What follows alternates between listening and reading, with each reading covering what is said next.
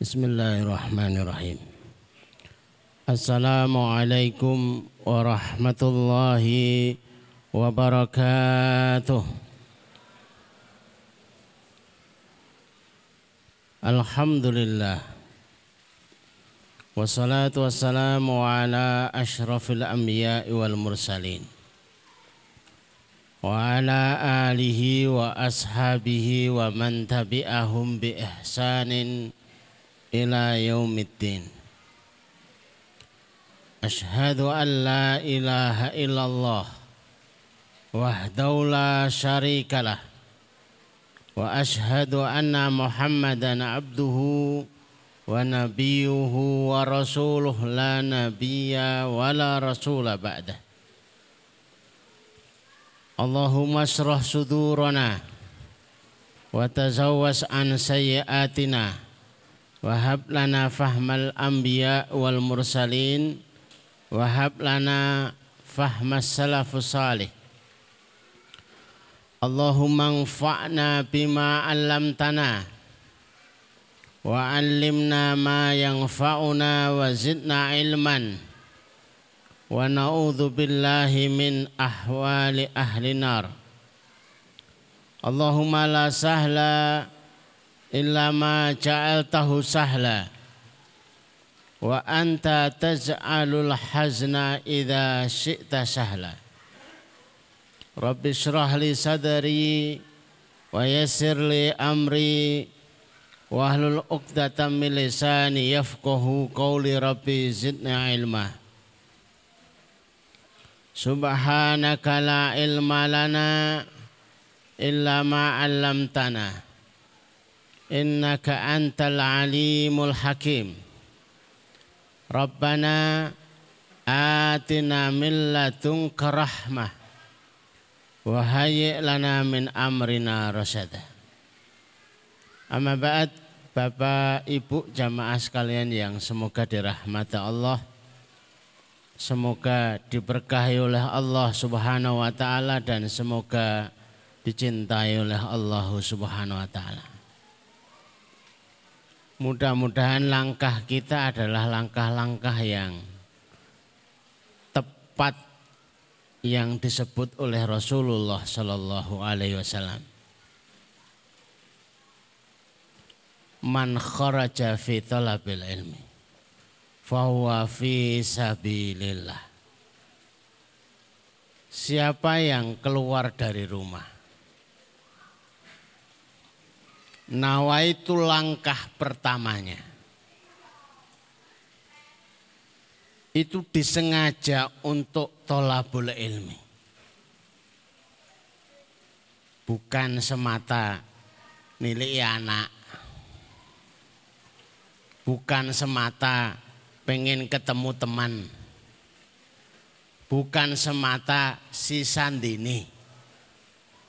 Tapi memang dari awal itu misi utamanya adalah tolabul ilmi. Kemudian ketemu putranya itu tambahan, bukan inti. Ketemu teman itu ya tambahan. Maka fawa fi sabilillah dicatat oleh Allah sebagai orang yang berada di jalan Allah.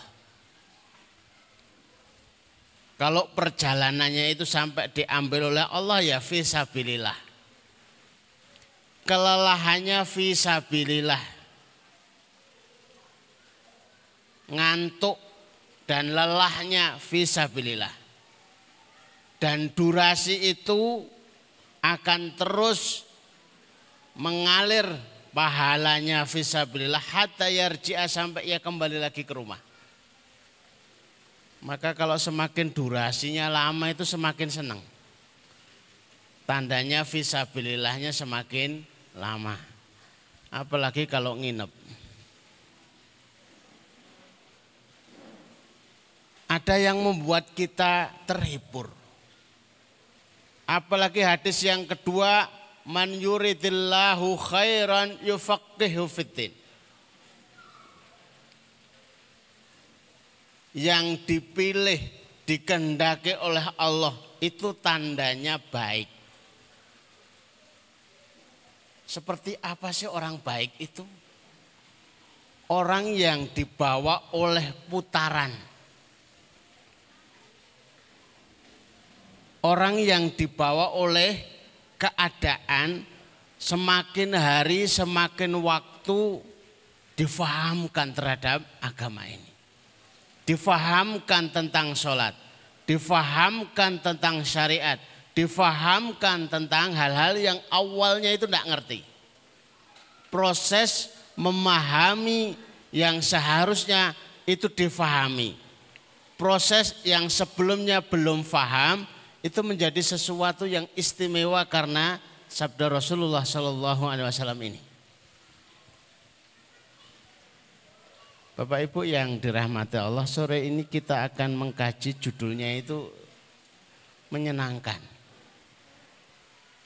Jadi cukup melihat judulnya saja itu sudah senang. Kalau lihat judulnya panjenengan nggak senang, itu ada masalah. Berarti memang tidak pengen sukses. Saya hanya menyampaikan apa yang tertera dalam kitabullah. Anak-anak itu sudah mulai mengenal ya, baru satu minggu itu kita kenalkan.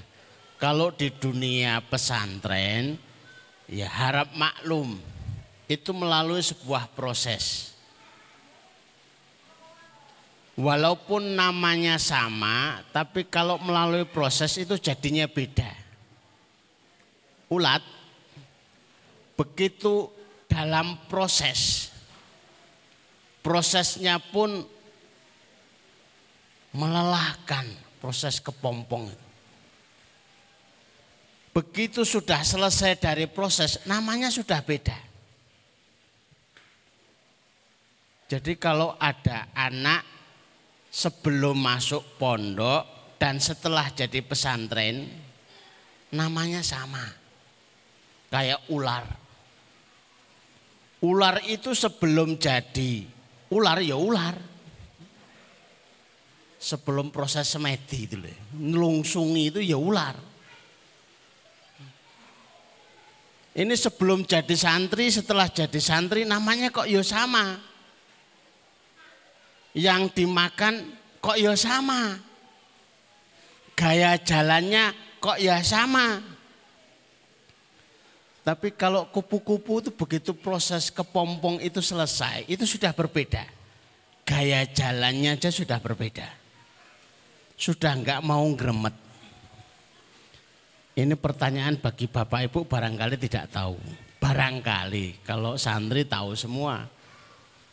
Sebutkan kupu-kupu yang jalannya gremet. Mikir kan? Kupu-kupu apa yang jalannya gremet? Kan mikir. Tadi yo mikir setelah dikasih tahu jadi oh ternyata kupu-kupu yang jalannya gremet itu kupu-kupu goblok. Lewong punya sayap kok gremet. Sudah punya Quran yang disebut mukjizat. Batu bisa terbelah keluar onta, lautan bisa terbelah, dibakar api tidak mempan, itu mukjizat. Al-Quran itu sekelas itu semua, bahkan yang paling sempurna, semua mukjizat Rasul itu terkumpul di dalam Al-Quran. Yang sudah punya Quran, tapi kok merasa lemah, merasa tidak punya kesaktian megang Quran ke mana-mana tapi tidak memiliki kehebatan. Ini ada masalah kayak kupu-kupu punya sayap tapi jalannya gremet. Namanya kupu-kupu apa Bapak Ibu? Kupu-kupu goblok.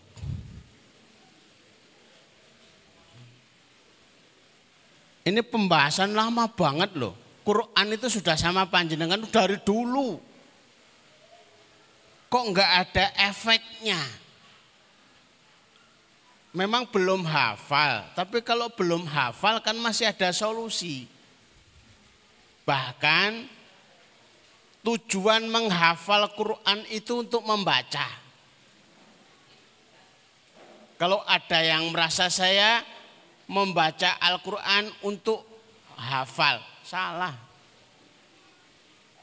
Kami luruskan, di mana-mana di masjid, di musola, di rumah-rumah, mushaf yang dipegang itu tulisannya Al-Quran. Artinya adalah bacaan, bukan hifdon, hafalan. Maknanya itu untuk dibaca. Adapun itu dihafal, lebih mudahnya membaca. Tidak harus pakai mushaf. Kiroah bil ghaib membacanya di pasar ya masih bunyi, di sawah masih bunyi, sambil cangkul itu diayunkan. Ida samsuku wirat. Sudah bisa bunyi. Tapi kalau belum dihafal ya memang begitu ceritanya. Pengen membunyikan di sawah, yo nggak bunyi, pengen membunyikan di pasar, ya nggak bunyi. Lah kenapa? Orang apal. Mencoba dibawa dalam tahajud ya bunyinya wama. Wama. Wama. Yang dengarkan itu cara mau copot orang orang terus-terus itu. Akhirnya nyeletuk, wis Pak kulhuai. Praktis Nah, sore hari ini kita akan membuka Al-Quran yang sekaligus menjelaskan kepada kita siapa-siapa yang disebut Al-Quran. Julukannya itu orang-orang sukses. Sebelum kita itu fasih mengucapkan sukses, Al-Quran sudah mengucapkan sukses. Ini ternyata panjenengan sudah hafal semua. A'udzubillahiminasyaitonirrajim. Awal dari surat Al-Baqarah. Ini enggak ada alif lamimnya karena bukan enggak ditulis, cuma enggak ketulis. Pengen ditulis tapi enggak ketulis. Apa pun surat yang ada tulisannya itu huruf potong-potong. Alif lam mim, yasin, ha mim, alif lam ro, nun itu istimewa. Apa istimewanya? Panjenengan nggak ngerti maknanya apa. Saya juga nggak tahu. Kalau tahu malah dipermasalahkan. Luang tulisannya itu hanya Allah yang tahu. Maksudnya. Ya sudah manut saja. Tapi itu adalah sebuah warning. Kayak bapak ibu megang mic gitu. Artinya apa? Ya, ya gitu, artinya itu. Ya itu. Lah ya apa? Perhatian, attention bahwa setelahnya itu ada ayat yang luar biasa butuh mencurahkan segala perhatian kita. Maka setelah alif lam mim kalimat itu diperjelas. Zalika itu bukan yang lain.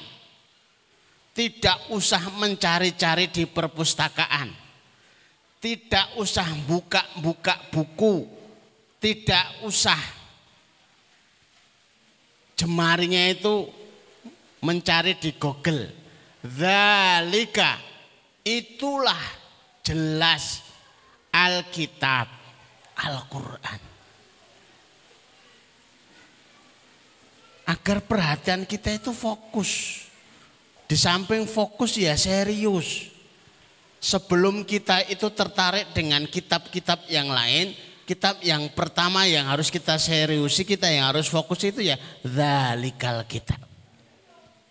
Inilah Al-Qur'an. Itulah Al-Quran la raiba sedikit pun tidak ada keraguan-raguan. Jadi kalau diri kita masih ada ragu-ragu, buka aja Al-Quran.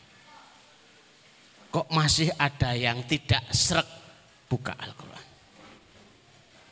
Imam membukanya dengan mengetahui maknanya atau memperbanyak membacanya. Hebatnya Al-Quran hanya sekedar diulang-ulang membacanya itu membias di hati. Asyadu wat awwa akwamu kila. Dulu sebelum faham isi Quran, isi Quran, yang penting itu dibaca-baca aja dulu. Bapak Ibu sebelum faham isi Quran, yang penting dibaca aja sering. Itu ngefek. Masa enggak paham ngefek? Orang yang punya tempat keranjang-keranjang itu kalau dicontohkan dalam sebuah contoh itu kalau buat ngambil air itu ya tumpah airnya sepertinya merugi tapi perhatikan Kalaupun air itu tidak tertampung, tidak bisa dibawa, ternyata bekas untuk ngambil air sekalipun tidak tertampung, itu ya bersih keranjangnya. Sekalipun kita enggak faham, zalikal kita pun enggak faham. Hal ataka hadithul ghasyah, ora mudeng. Alam taro kaifa fa'ala rabbuka, ora mudeng. Tapi sekedar diulang saja, itu tetap hati itu bersih. Kotoran-kotoran itu menjadi bersih. Penyakit-penyakit hati itu ngelotok. Iri, dengki, galau, gelisah, mumetan, bingungan, hilang efek Al-Quran sekedar dibaca itu sudah berfungsi.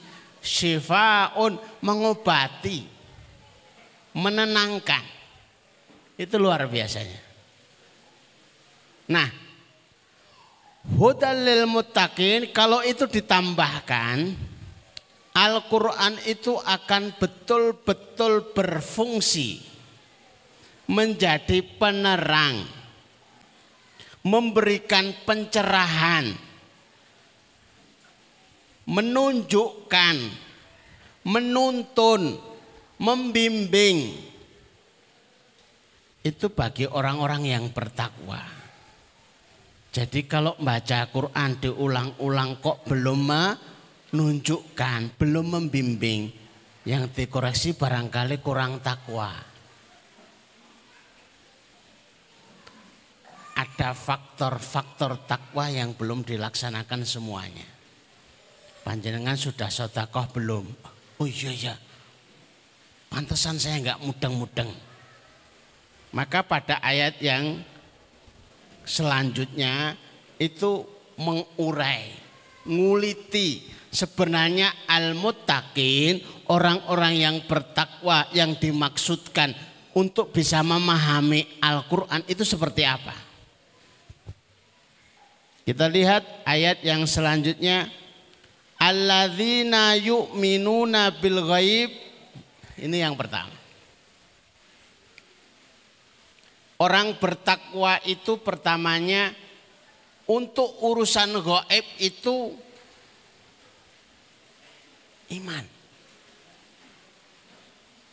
Kalau Bapak Ibu ditanya urusan gaib itu apa toh? Itu rata-rata berkesimpulan pokoknya malaikat, setan itu ya gaib.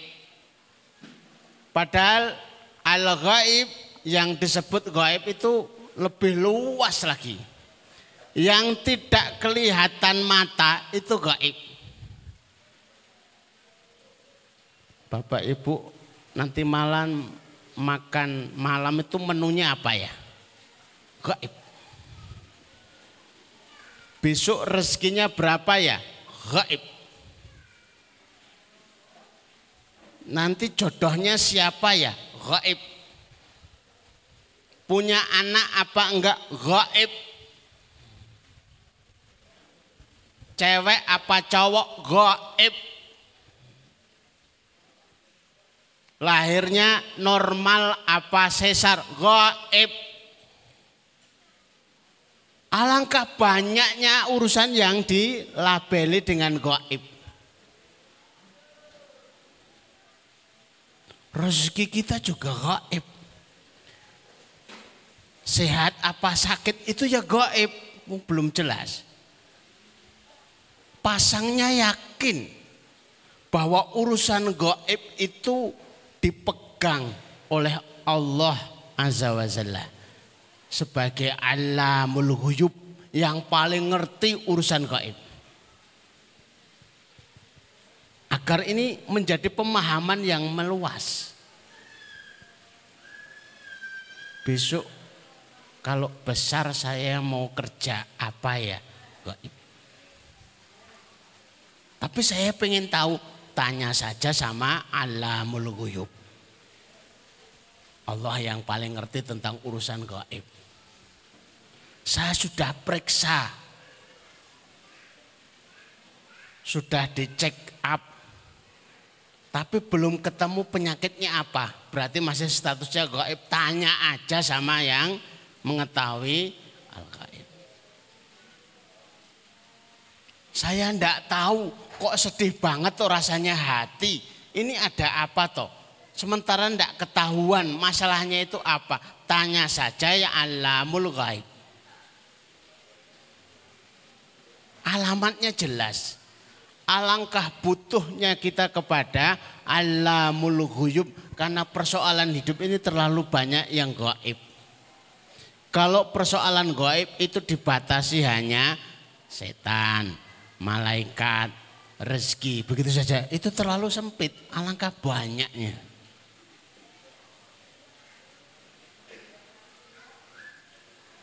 Baru selangkah saja sudah ketemu al-gaib loh kita mau maghrib jam berapa ya? Gaib nggak ngerti kok. Waktunya tepat apa memanjang apa membuat singkat, ya nggak ngerti. Coba yang adzan maghrib nanti siapa?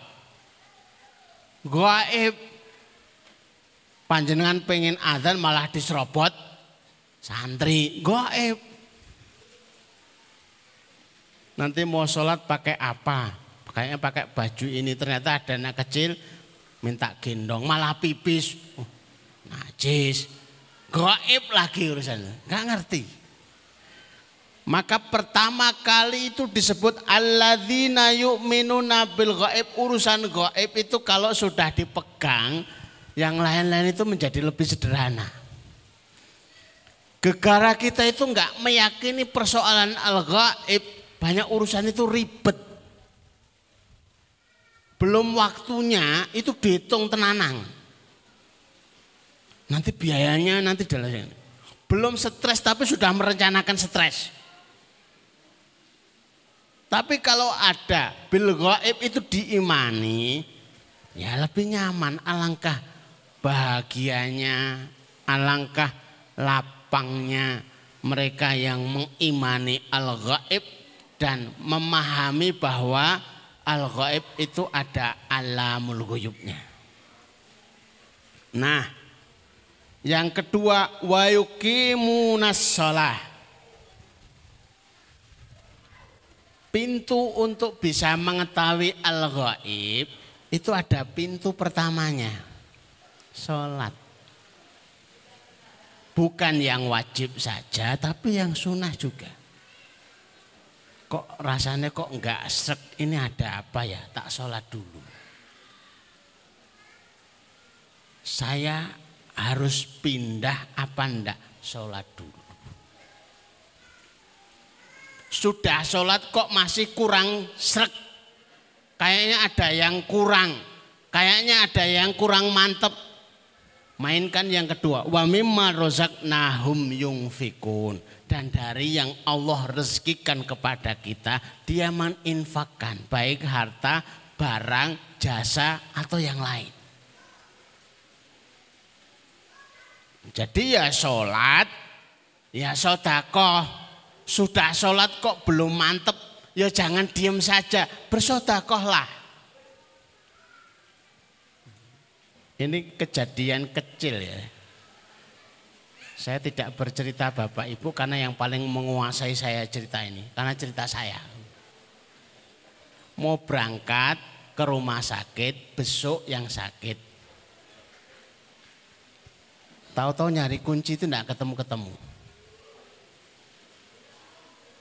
Muter lima kali itu tidak ketemu. Saya tahu ilmunya. Tapi sengaja menguji. Ben, ora arep sholat. Ya ora ketemu. Ora arep salat, ora ketemu. Ora arep sedekah, ora ketemu. Lima kali saya wirawiri di situ. Akhirnya menyerah. Ya sudah tak salat dulu. Salat dua rakaat. Habis itu keluar rumah. Manggil siapa yang bisa dipanggil. Jenengan kersa sedosa ewu. Nggih purun. Nggih jajan putrane. Nggih alhamdulillah. Bismillah ya Allah kunci saya di mana mudah-mudahan ketemu. Tidak sampai beberapa menit hanya satu menit saja kunci itu langsung ketemu. Di tempat yang saya sudah melewati lima kali. Allahu Akbar. Lah tadi ke mana saya itu lima kali wirawir itu. Intinya enggak ketemu. Seorang motivator. Jamil Az-Zaini. Itu cerita. Begitu sholat terus tanya sama Allah ya Allah istri saya kenapa? Memorinya sudah sekian waktu tiba-tiba dikembalikan lagi. Kamu masih ingat enggak dulu ngambil uang ibu di bawah bantal? Astagfirullahaladzim Langsung ditelepon ibunya. Ibu masih ingat dulu naruh uang di bawah bantal terus kehilangan. Oh, oh ibu jengkel beneran itu. Itu sampai akhirat pun nggak akan saya maafkan. Ibu itu yang ngambil saya. Astagfirullahaladzim. Kalau kamu saya maafkan. Ibu maafkan ya bu, saya salah. Waktu itu malu untuk ngaku. Ini belum kesempatan untuk sungkem minta maaf, tapi maafkan dulu via telepon. Begitu dimaafkan, dibawa rongsen kembali, langsung ketemu penyakitnya. Walaupun ya berat, ini penyakitnya adalah kanker pankreas. Ya sama-sama beratnya, tapi sudah ketemu penyakitnya. Sudah ketemu solusinya. Kemudian diobati dan alhamdulillah dengan izin Allah diberikan kesembuhan. Maka SOP yang pertama mengimani. Dipegang dulu kuncinya, yang penting iman. Perkara yang tidak ketahuan, perkara-perkara itu urusannya gaib. Allah yang tahu, hubungi yang maha tahu. Nomor dua, sholat Sholat hajat itu jenisnya adalah sholat anytime, anywhere. Ba'da asar ya boleh, ba'da subuh ya boleh. Ya namanya sholat hajat itu kapan saja, karena nggak pernah bisa diprediksi. Jangan-jangan ditelepon dari kantor ditunggu lima menit lagi keputusannya. Jenengan jadi berangkat ke Jakarta apa ndak? Ya kenapa teleponnya Pak subuh ya terserah wong saya bosnya. Ditunggu lima menit berangkat berangkat. Nggak jadi nggak jadi. Aduh sholatnya gimana? Kan jadi repot kan? Maka sholat hajat itu dilabeli sebagai sholat kapan saja karena sesuai kebutuhan Selanjutnya setelah yuk minuna bil ghaib wa yuqimuna shalah wa mimma razaqnahum yunfikun. Ayat yang keempat. Berarti nomor empat. alladzina yu'minuna bima unzila ilaika wa ma unzila min qablik beriman kepada Al-Quran, beriman kepada kitab yang diturunkan saat ini update. Dan beriman kepada kitab sebelum Al-Quran. Al-Quran itu sudah memenuhi isi dari perintah Allah dan kitab-kitab sebelum Al-Quran. Jadi ya yang dimaksudkan Quran itu saja sudah cukup. Yuk minuna mengimani kalau dia faham terjemahannya, faham tafsirnya, baca. Saya belum faham, saya nggak mudeng, bisanya cuma membaca, itu pun terbata-bata. Ya sudah baca aja. Untuk memenuhi perintah ayat ini. Diambil Qur'annya kemudian dibaca au dzubil la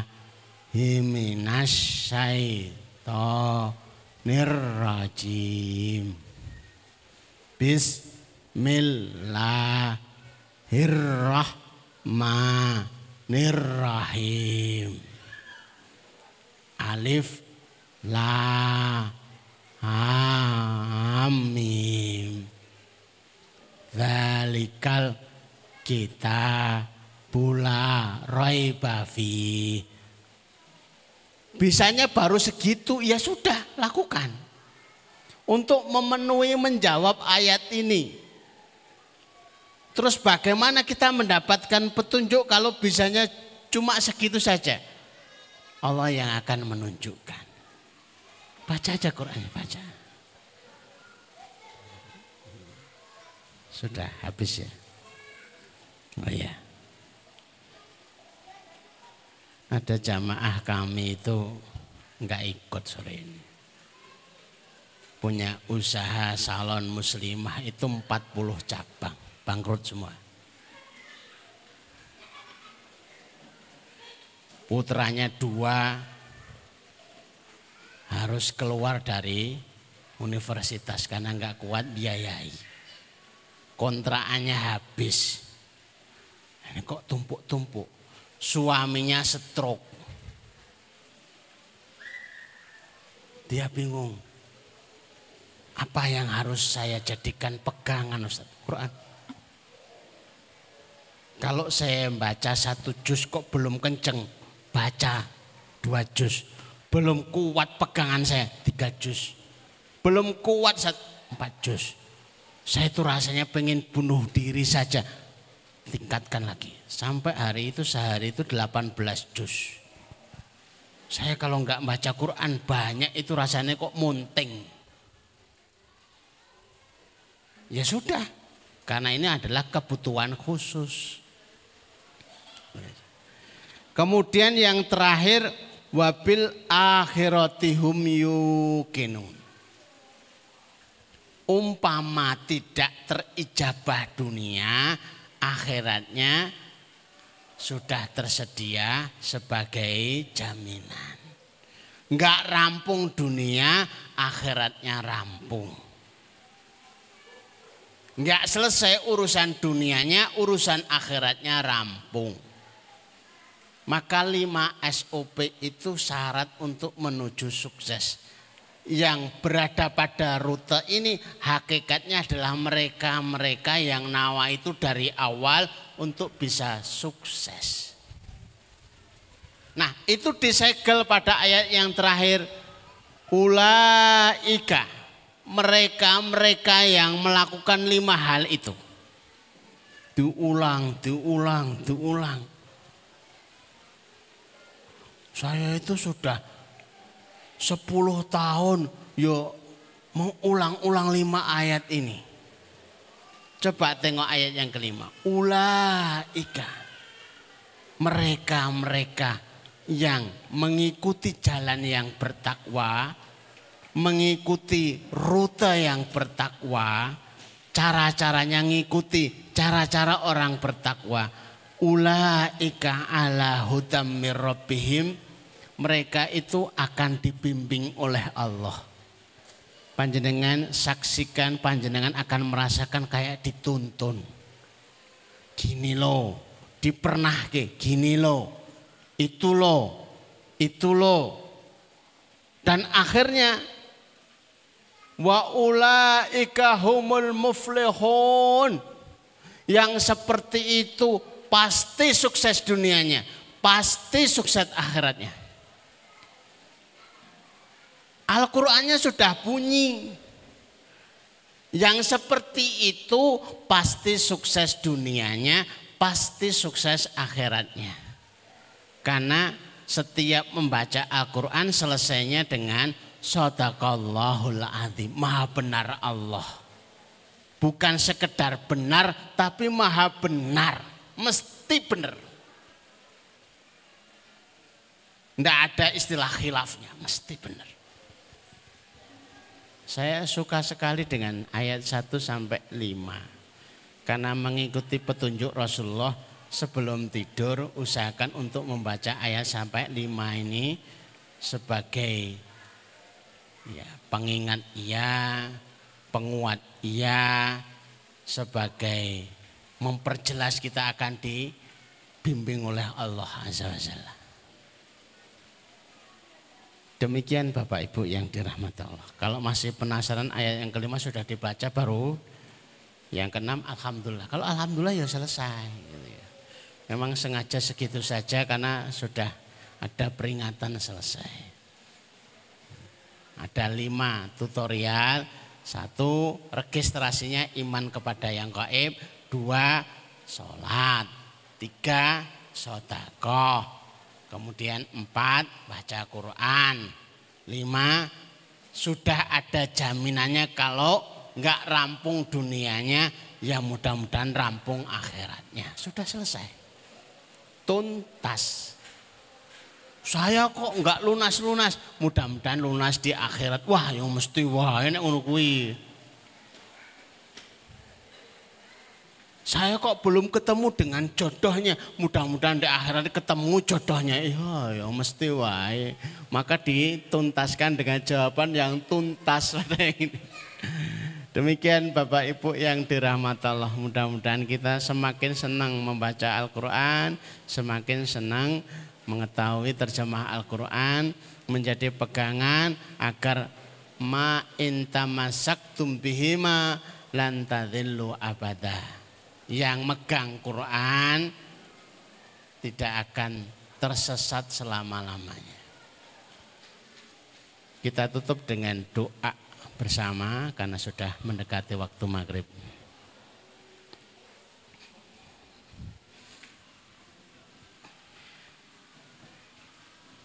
Monggo Bapak Ibu sekalian kita tata hati kita, kita tata pikiran kita. Bismillahirrahmanirrahim. Allahumma salli ala Muhammad wa ala Muhammad kama sallaita ala Ibrahim wa ala ali Ibrahim innaka Hamidum Majid. Allahumma barik ala Muhammad wa ala Muhammad kama barakta ala Ibrahim wa ala ali Ibrahim fil alamin innaka Hamidum Majid. Walhamdulillahi rabbil alamin. Hamdan syakirin hamdan naimin hamdan ni'ama wa yukafi masidah ya rabbana lakal hamdu kama yanbaghi li jalali wajhika wa azimi sultanik Bismillahirrahmanirrahim Alhamdulillahi rabbil alamin Ar-Rahmanirrahim مالك يوم الدين إياك نعبد وإياك نستعين اهدنا الصراط المستقيم صراط الذين أنعمت عليهم غير المغضوب عليهم ولا الضالين آمين La ilaha illa anta subhanaka inni kuntu minadh dhalimin. La ilaha illa anta subhanaka inni kuntu minadh dhalimin. La ilaha illa anta subhanaka inni kuntu minadh dhalimin. Allahumma ya Rahman ya Rahim ya Hayyu ya Qayyum ya Dzal Jalali wal Ikram. Allahumma ya Rahman ya Rahim ya Hayyu ya Qayyum ya Dzal Jalali wal Ikram. Allahumma ya Rahman ya Rahim ya Hayyu ya Qayyum ya Dzal Jalali wal Ikram.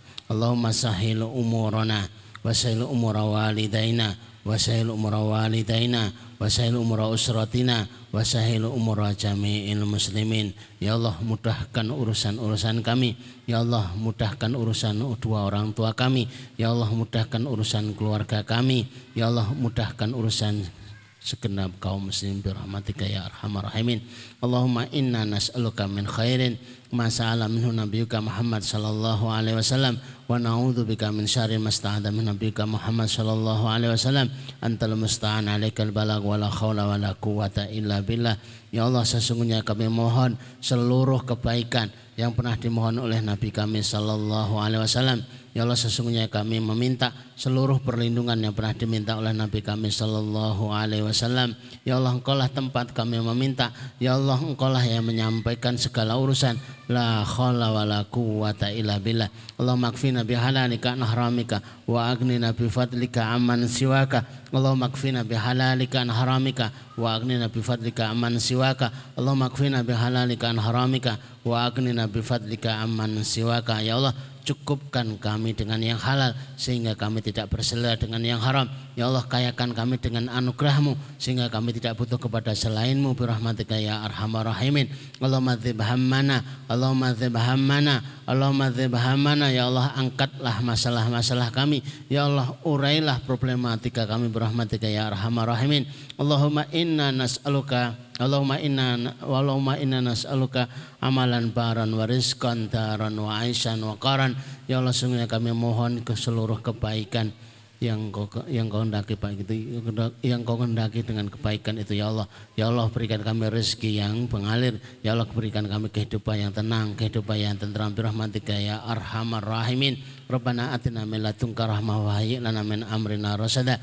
Rabbana atina fid dunya hasanah wa fil akhirati hasanah wa qina adzabannar wa qina adzabannar wa sallallahu ala Muhammadin wa ala alihi wa sahbihi wa sallam. Subhana rabbika rabbil izzati amma yasifun wa salamun alal mursalin walhamdulillahi rabbil alamin. Aku lu kali hadza nastaghfirullah li wa lakum. Subhanakallahumma rabbana wa bihamdika asyhadu an la ilaha illa anta astaghfiruka wa atubu ilaik. Assalamualaikum warahmatullahi wabarakatuh